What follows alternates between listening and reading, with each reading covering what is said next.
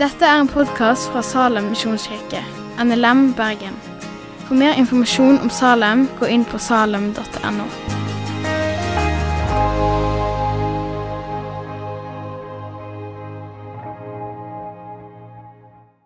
Da var vi her. God formiddag, alle sammen. God søndag. Kjekt å se dere. Eh, Det er jo litt ekstra kjekt og litt ekstra stas for meg å få lov til å stå på denne scenen på en søndag formiddag.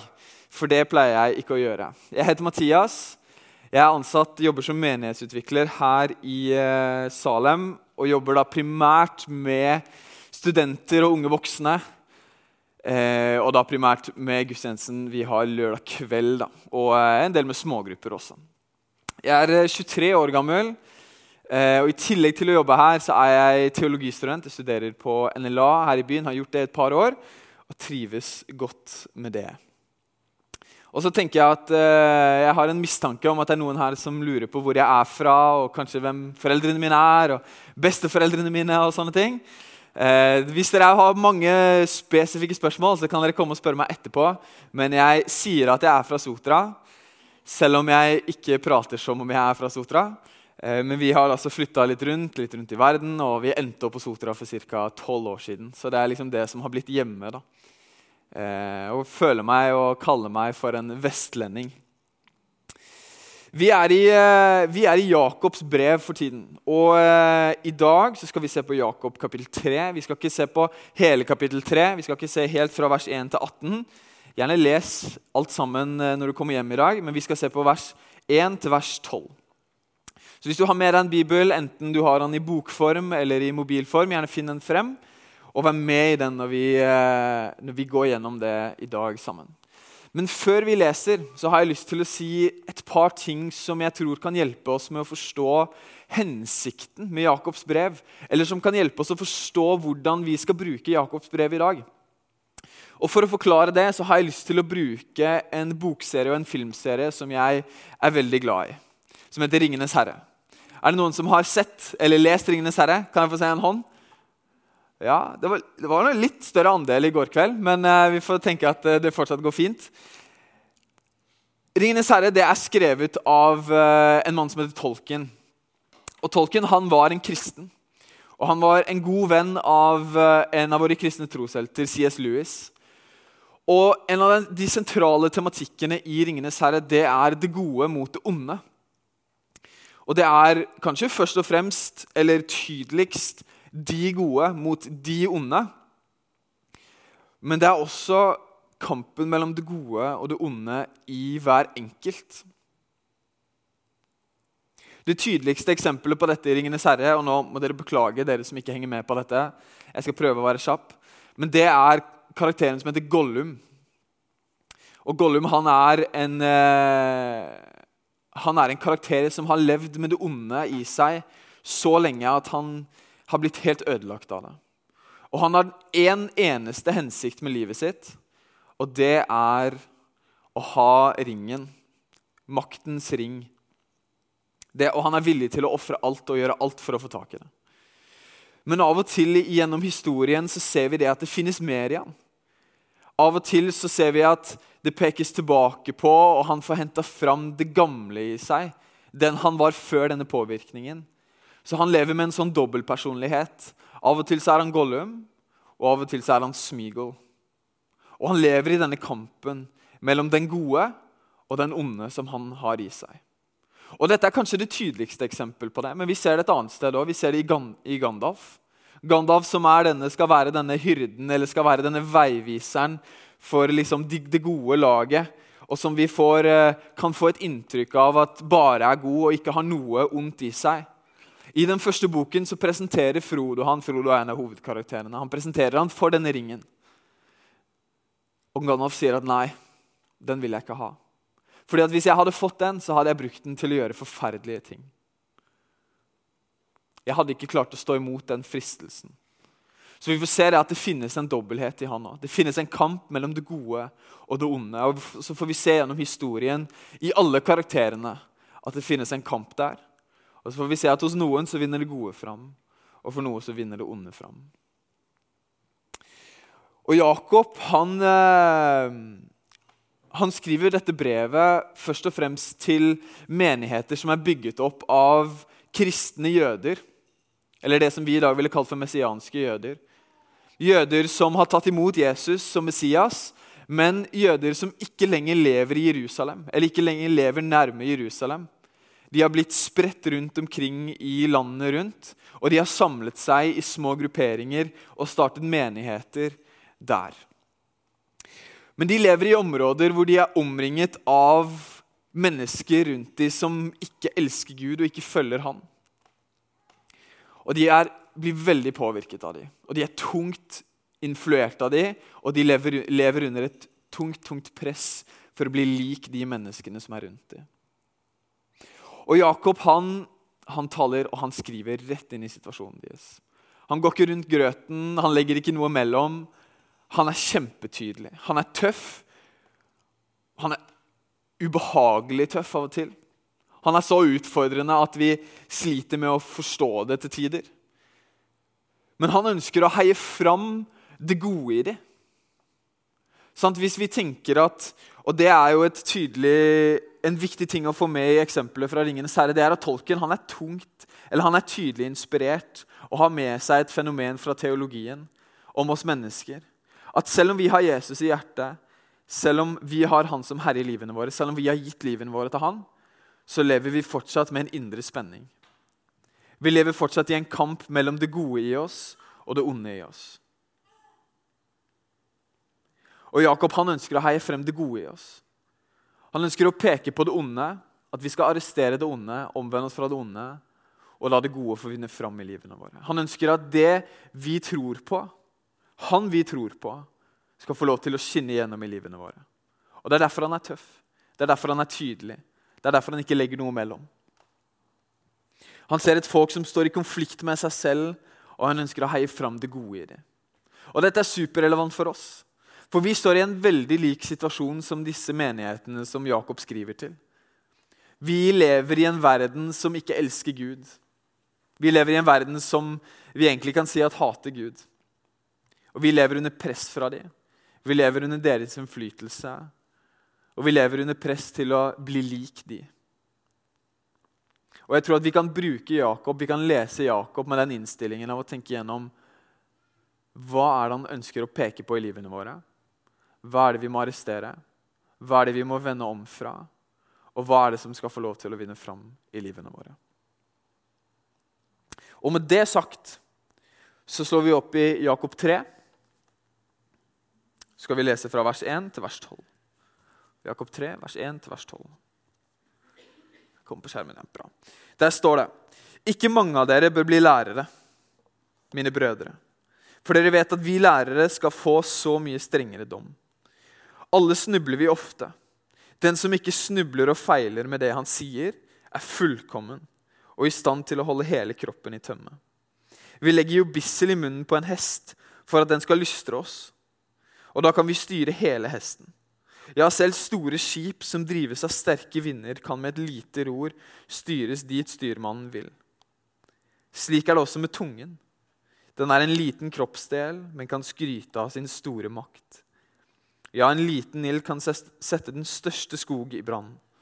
Også tungen er en ild, en verden av ondskap blant våre lemmer. Den smitter hele kroppen og setter livshjulet i brann. Og selv blir den satt i brann av helvete. Alt i naturen, både ville dyr, fugler, krypdyr og fisk, kan temmes og er blitt temmet av mennesket, som selv er en del av naturen. Men tungen makter ikke noe menneske å temme. Skiftende og ond som den er, full av dødbringende gift. Med den lovpriser vi vår Herre og Far, og med den forbanner vi menneske, menneskene som Han har skapt, som er skapt i Guds bilde. Fra samme munn kommer det både lovprisning og forbannelse. Slik må det ikke være, mine søsken. Strømmer det vel friskt og bittert vann fra samme kilde? Mine søsken, kan vel et fikentre bære oliven, eller en vinstokk bære fiken? Like lite kan en salt kilde gi friskt vann. Herre Jesus, takk for at du er med oss denne søndag formiddagen. Takk for at du har gitt oss ditt ord, så vi kan lese det, så vi kan lære det, så vi kan leve det ut. Kom og åpenbar deg for oss. Kom og arrester de tingene som du ikke ønsker at skal vinne fram i livene våre. Kom og Sett fingeren på det, kom og pirk i oss. Kom og Gjør det litt ubehagelig. Og hjelp oss å vende om fra det og gå inn i det livet du har for oss, Jesus. Kom og åpenbar deg nå. La dine ord få sitte igjen. I ditt navn. Amen.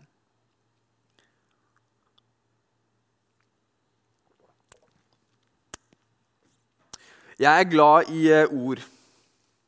Jeg er glad i språk. Jeg er glad i å prate med folk. Jeg liker å stå her og tale for dere. Jeg syns det er kjekt. Til tider så er jeg glad i å skrive òg, så lenge oppgaven ikke står 'eksamen' på toppen. Så liker jeg å skrive òg. Um, og jeg opplever at det engasjerer meg. Og jeg har troen på kommunikasjon som et middel for å løse mange av våre konflikter store verdenskonfliktene. tror jeg, Mange av de tror jeg kan løses ved hjelp av kommunikasjon. Jeg har opplevd at det finnes kraft i jord. Jeg har opplevd at det noen har sagt til meg, det har bygget meg opp. En stor grunn til at jeg står her foran dere i dag, det er fordi at noen utfordret meg til å gjøre det en gang. Og når jeg var ferdig med det, så, sa de at Mathias, dette, dette burde du gjøre det oftere. Dette mestrer du. Dette får du til. Her har du noen evner, her har du noen egenskaper. Det heiet noe fram i meg. Det bygget meg opp, og det gjorde meg i stand til å fortsette med det. Og så har jeg blitt revet ned av ord. Jeg har opplevd å få sår pga. det andre har fortalt meg. Jeg har kjent på smerte ut ifra andres ord. Jeg har blitt motløs, mismodig. Og så har jeg mest sannsynlig såret noen andre. Eller jeg er ikke bare mest sannsynlig, jeg har såret noen andre. Garantert. Jeg blir dypt utfordret av de ordene vi leser her, for jeg vet at det treffer meg. Og jeg vet at jeg ikke møter dette idealet. Det jeg skal si til dere nå, det, eller disse, den, igjen, det jeg skal si til dere de neste minuttene, det, det sier jeg like mye til meg selv, for her har jeg masse å strekke meg på. For jeg vet at jeg har såret mennesker med mine ord. Jeg vet at jeg har gitt mennesker sår med mine ord som jeg ikke kan lege lenger, som jeg ikke har muligheten til å helbrede. Og jeg vet at Av og til så mister jeg kontrollen. Av og til så sier jeg ting som sekundet jeg, det har rullet av tungen min, så tenker jeg Nei, det skulle jeg ikke ha sagt. Sekundet jeg har ytret lydene, så tenker jeg nei, det skulle få blitt usagt. Kanskje ting jeg ikke mente, kanskje ting jeg mente, men ikke burde si. Av og til så mister jeg kontrollen. Og, da jeg, og da har jeg satt noe ut i verden som jeg ikke lenger kan ta tilbake igjen. Jeg opplever at det er kraft i ord. Men det finnes en spenning her. Det finnes en kamp her. Fordi den samme tungen som det ene sekundet kan bygge noen opp, kan det neste sekundet rive noen ned. Den samme tungen som det ene sekundet kan velsigne Gud, kan det neste sekundet forbanne noen som er skapt i hans bilde. Det finnes en spenning her. Det finnes en kamp her. Kjenner dere igjen i dette? I erfaringene mine? I det jeg forteller dere? Kan jeg se et lite nikk hvis dere gjør det? For vi opplever kraften i ord. Vi opplever at det finnes, det finnes kraft i det, og det påvirker oss. Jeg har lyst til å vise til noen kjente taler fra historien som viser dette. I 1963 så sa den kjente pastor, predikant og på den tiden eh, Viktig mann i kamp for mange folk. Han sa 'I have a dream'. Martin Luther King jr. I have a dream. Og det skapte sosial reform i USA. USA har aldri vært det samme siden han ytret de ordene. I 1940 så sa Winston Churchill 'We shall fight on the beaches'. Vi skal slåss på strendene. Og det inspirerte en nasjon til å stå imot og kjempe imot tyranni på bekostning av sine egne liv. Det inspirerte et folk til å gå inn og ofre livene sine for mennesker de ikke kjente engang. Bare, år, bare et år tidligere, i 1939, så sa Adolf Hitler at eh, hvis det kommer en ny verdenskrig, så skal vi utrydde den jødiske rase i Europa.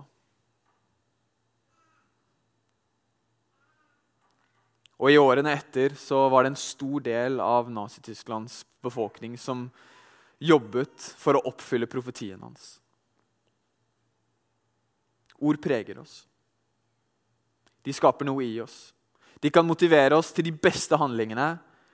De kan utfordre oss og pushe oss til de verste.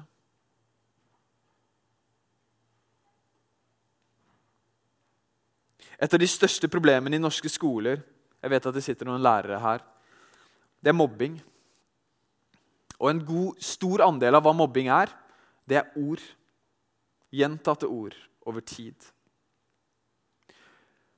Kanskje du har opplevd å bli mobba. Eller kanskje du har et barn som opplever å bli mobba. Kanskje du har opplevd på kroppen selv, eller kanskje du har sett hva de gjør med din unge, med ditt barn. Hva disse ordene gjør med dem. Kanskje du har vært en mobber. Kanskje du har sett hva dine ord kan gjøre med noen andre. Ord skaper noe i oss. De gjør noe med oss. Tungen vår har makt. Så hva skriver Jakob om dette? Det vi har lest i dag, hva skriver Jakob om dette? Du kan gjerne ta teksten opp skjermen igjen. Han sier, For det første så sier han i vers 2 at uh,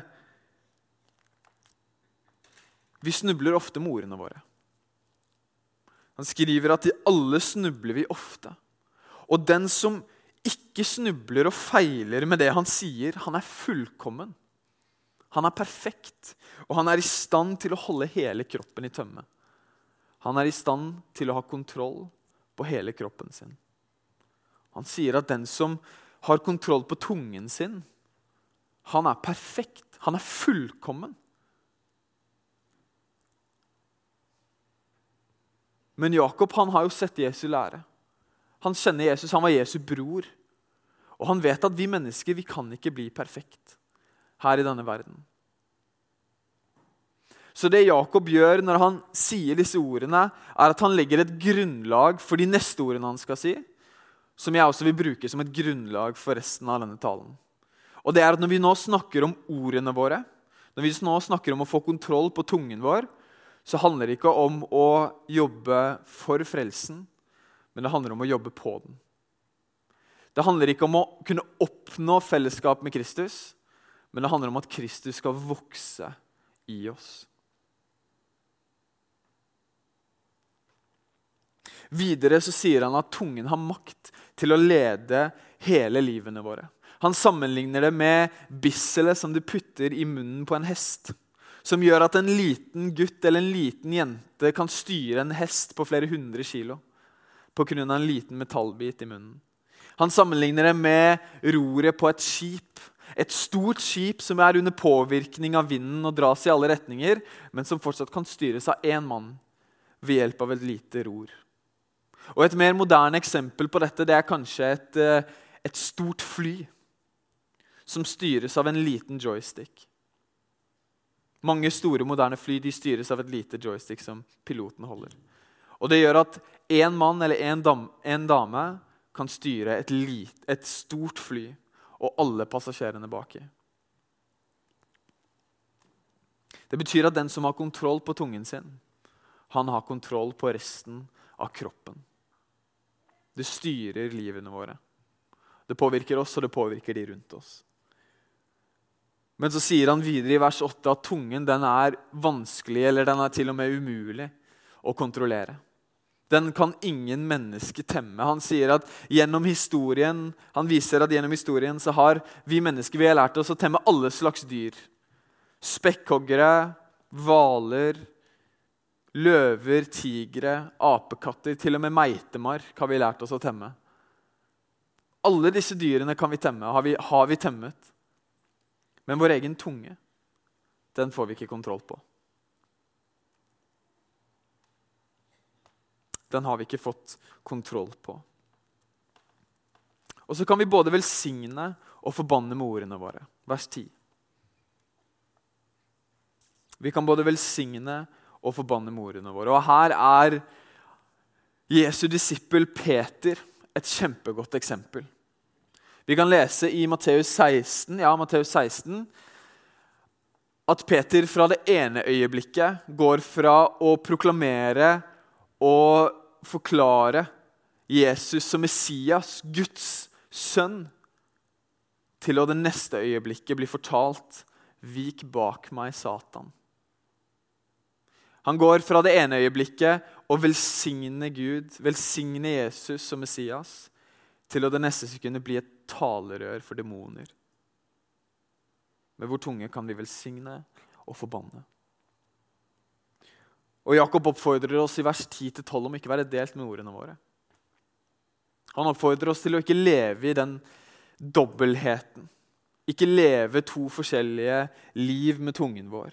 Han sier at det strømmer ikke både salt og ferskt vann fra samme kilde. Det vokser ikke fiken på et oliventre. Det vokser ikke oliven på en vinranke.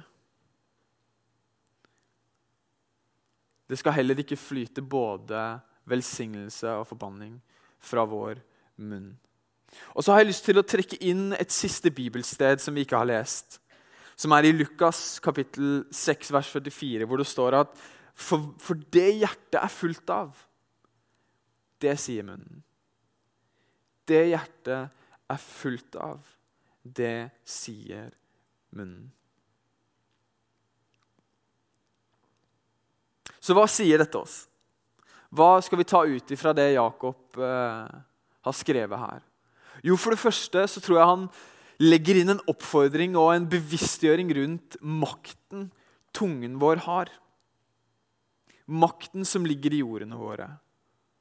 Du har makt til å bygge noen opp. Du har makt til å rive noen ned. Du har makt til å velsigne, du har makt til å forbanne. Du har makt til å skape noe i noen som forandrer livet deres for alltid. Du har makt til å knuse noen til det punktet hvor de ikke har lyst til å leve lenger. Alt med dine ord. Du kan prise Gud, og du kan forbanne menneskene han har skapt. Og Ut ifra dette så må vi jo tenke gjennom hvordan er det vi ønsker å bruke ordene våre. Hva slags mennesker er det vi ønsker å være? Hva slags menneske er det du ønsker å være? Ønsker du å være et menneske som velsigner, eller et menneske som forbanner? Ønsker du å være et menneske som bygger opp, eller et menneske som river ned? Ønsker du å være et menneske som skaper liv og taler liv, eller som gjør det motsatte? Og ut ifra denne tanken om hva slags menneske du ønsker å være, hva er det du trenger å ta et oppgjør med? Hva er det du trenger å vende om fra?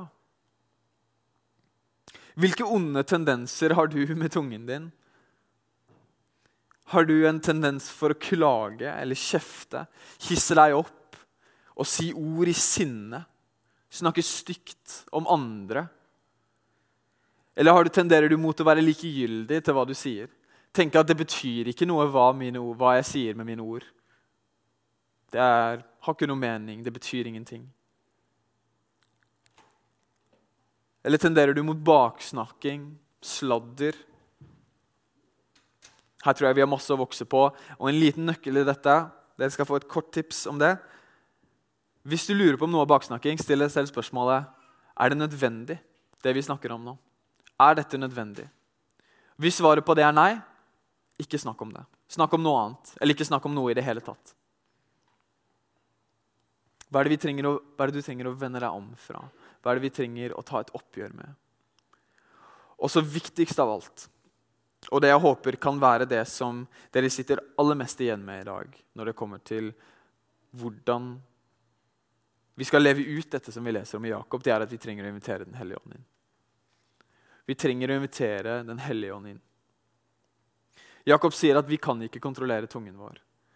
Vers 8 men tungen makter ikke noe menneske å temme. Og jeg tror det er helt sant. Jeg tror vi er fullstendig sjanseløse. Jeg tror vi har ingen håp for å kunne temme vår egen tunge. Jeg tror, tenk, jeg tror, at Hvis vi tenker at vi skal skjerpe oss og få det til, så vil vi aldri komme til det punktet vi ønsker. Kanskje vi kan klare å fake det innenfor gitte tidsrom eller for en periode. Men det vil aldri være det som naturlig flytter ut av oss. Det vil aldri være liv og godhet som natur, naturlig flyter ut av oss. Vers 8. Ikke noe menneske kan temme sin egen tunge. Men når jeg leser det verset, så blir jeg minnet om eh, et vers i Matteus 19. Vers 26 i Matteus 19, hvor det står at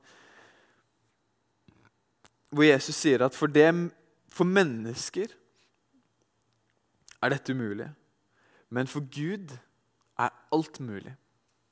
For mennesker er dette umulig, men for Gud er alt mulig. Jakob kjente Jesus. Han var Jesu bror. Han visste at Jesus hadde sagt dette. Vi trenger å invitere Den hellige ånd inn. Vi trenger å la han få vokse i oss. Jeg vil hente opp igjen det verset jeg sa i sted, Lukas 6, 45. For det hjertet er fylt av, det taler munnen. Det hjertet er fullt av, det taler munnen. Hva fyller du hjertet ditt med? Fyller du hjertet ditt med bitterhet, sjalusi, ondskap? så er det det som vil komme ut. Men åndens frukt er kjærlighet, glede, fred, tålmodighet osv. Hvis Den hellige ånd har den plassen i hjertet vårt som han vil ha, så er det det som vil komme naturlig ut. Det er det som vil strømme fram. Det er det som vil rulle naturlig av tungen vår. Tenk om vi kunne vært et sånt folk Tenk om vi kunne vært et folk som var kjent for å velsigne istedenfor å forbanne. Et folk som snakker andre mennesker opp istedenfor å rive dem ned. Et folk som taler frihet, fred og trøst, håp, liv og godhjertet formaning inn i andre mennesker. Istedenfor sinne, bitterhet, sjalusi, konflikt, sladder, tom egoboosting og baksnakking. Jeg stilte et spørsmål eh, til et panel med, litt, eh, med noen eh, voksne, var, voksne, kristne som var mye smartere enn meg. Jeg stilte dem et spørsmål hvorfor tror du vi opplever så stor likegyldighet blant mennesker som ikke er kristne. Hvorfor tror dere vi opplever at de ikke er interessert i hva vi tror på? For jeg opplevde det opplevde at de rundt meg som ikke var kristne, de brydde seg ikke om noe om at jeg var kristen. Det var verken positivt eller negativt. Det betydde ingenting. Spurte jeg, Hvorfor tror dere vi opplever den likegyldigheten? Den er jo et stort hinder for oss. Likegyldighet det fører ikke til en interesse. Og det fører ikke til de spørsmålene vi vil ha om hvorfor vi tror på det vi tror på. Jeg stilte det spørsmålet, og så svarte han som i dag er mentoren min, han svarte jeg tror Grunnen til at vi opplever en sånn likegyldighet, det er fordi at vi lever ikke liv som skaper interesse. Vi lever ikke liv som tvinger mennesker til å stille spørsmål med hva som er greien med oss kristne.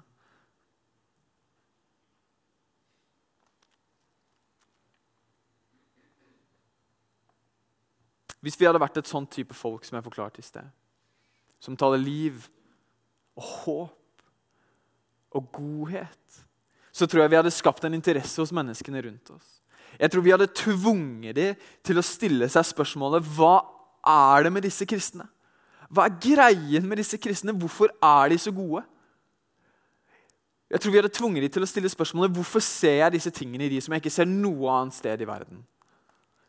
Hvorfor kan jeg kjenne de igjen på dette? Og Vi hadde fått muligheten til å fortelle dem hvem som skaper dette i oss. Vi hadde fått muligheten til å fortelle dem at vi gjør ikke dette selv. Vi har en som skaper dette i oss. Vi skaper ikke dette i oss selv. Vi har en som skaper det i. Vi er en som døde for alle våre feil, alle vår svik, all vår synd, alle gangene vi ikke strekker til. Og vi er en som gjør at vi kan leve liv sammen med Gud, med Hans ånd og med Hans kraft i oss. Vi er en som har forandret livet vårt. Og vi er en som fortsetter å gjøre det. La oss være et folk som ikke er delt med ordene våre. La oss være et folk som ikke står her inne i kirka og velsigner Gud, og det neste sekundet går ut og forbanner noen som han har skapt. La oss være hele med tungen vår. Og la oss være et folk som priser Gud med ordene våre. Som bruker våre ord, bruker vår tunge til å løfte ham opp til å gi han ære, til å snakke rett om hvor vi står i forhold til han, og taler takknemlighet og synger takknemlighet til Han. La oss være et folk som priser Gud med våre. Herre Jesus, takk for at du har gitt oss en tunge. Takk for at du har gitt oss ord, du har gitt oss muligheten til å kommunisere. Og takk for at det ikke er meningsløst. takk for at det betyr noe. Takk for at vi, du har gitt oss evnene, du har gitt oss muligheten til å tale mennesker opp. Til å skape liv i dem, til å heie dem fram og til å bety en forskjell inn i livene deres. Herre Jesus, hjelp oss å forvalte den egenskapen rett. Hjelp oss å forvalte den innflytelsen og den makten rett. Hjelp oss å være et folk som skaper liv i, i liv i mennesker. Hjelp oss å være et folk som velsigner deg. Hjelp oss å være et folk som løfter mennesker opp. Hjelp oss å være et folk som er kjennetegnet av ordene vi sier av hjertet. Hjelp oss å være et folk som taler ut åndens frykt, Herre. Helligånd, kom og ta plassen i hjertet vårt, som gjør at dette faller naturlig for oss. Kom og omvend oss. Kom og forandre oss. Kom og skap liv i oss, Jesus. Det ber jeg om i ditt navn, Herre Jesus. Amen. Takk for at du har hørt på podkasten fra Salem, Bergen. I Salem vil vi vinne, bevare, utruste og sende. Til Guds ære.